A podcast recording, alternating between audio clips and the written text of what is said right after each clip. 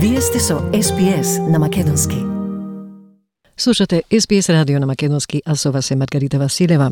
Следува краток прилог за првиот ден од изборната кампања за федералните избори на Австралија.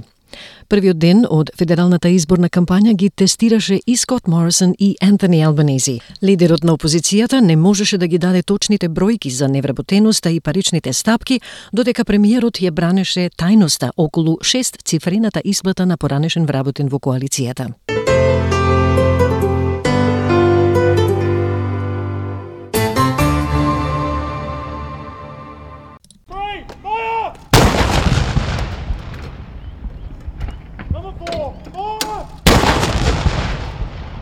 Поздравот со 19 пиштоли официјално го означи затворањето на 46-тиот парламент, додека лидерите се обидува да го остават својот белег на првиот ден од изборната кампања за 2022 година.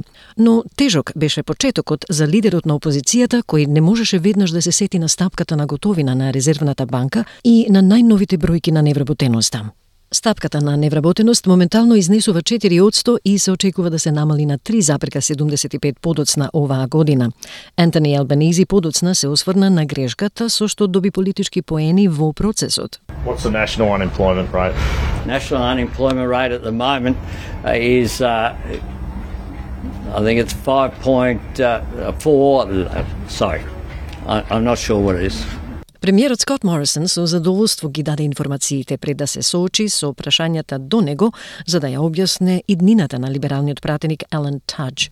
Премиерот изјави дека господинот Тадж избра да застане настрана, но дека тој се уште е министер, не поднел оставка од својата позиција, ниту пак бил разрешен.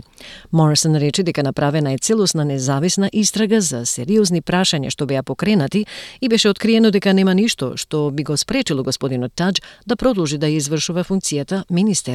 Mr Tudge um, elected to stand aside. He is still a minister.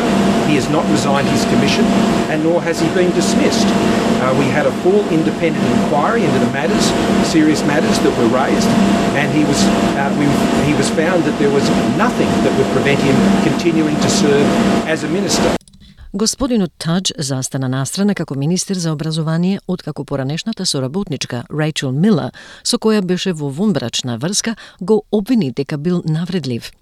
Тој силно ги негира наводите и извршената истрага покажа дека немало доволно докази дека ги прекршил министерските стандарди. Антони Албанизи вели дека е, цитат, извонредно, затворен цитат, што тој се уште е во кабинетот и дека тоа укажува на хаосот во спротивната страна на политиката. Well, they're astonishing uh, statements uh, from, uh, from the, the Prime Minister.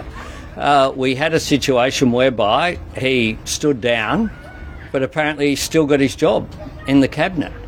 And uh, I just find it remarkable, and it says it all about the chaos that is on the other side of politics.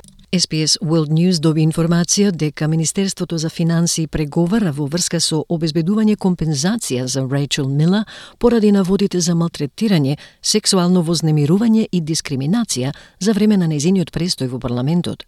Компензацијата, финансирана од даночните обврзници, се очекува да достигне повеќе од половина милион долари. Господинот Морисон одби да ја потврди сумата во изјава за Nine Network, додавајќи дека тоа е приватна работа меѓу Мила и департментот. I can't. I, I have no knowledge of that. That's a, a private matter between her and the department, and uh, and so that is not a matter that I have any involvement in or or have any oversight or, or visibility on. Премиерот тврди дека Елен Тадж може да се врати во кабинетот доколку неговата влада биде реизбрана. Прилог на Кришани Джани и Ена Хендерсон за SBS News.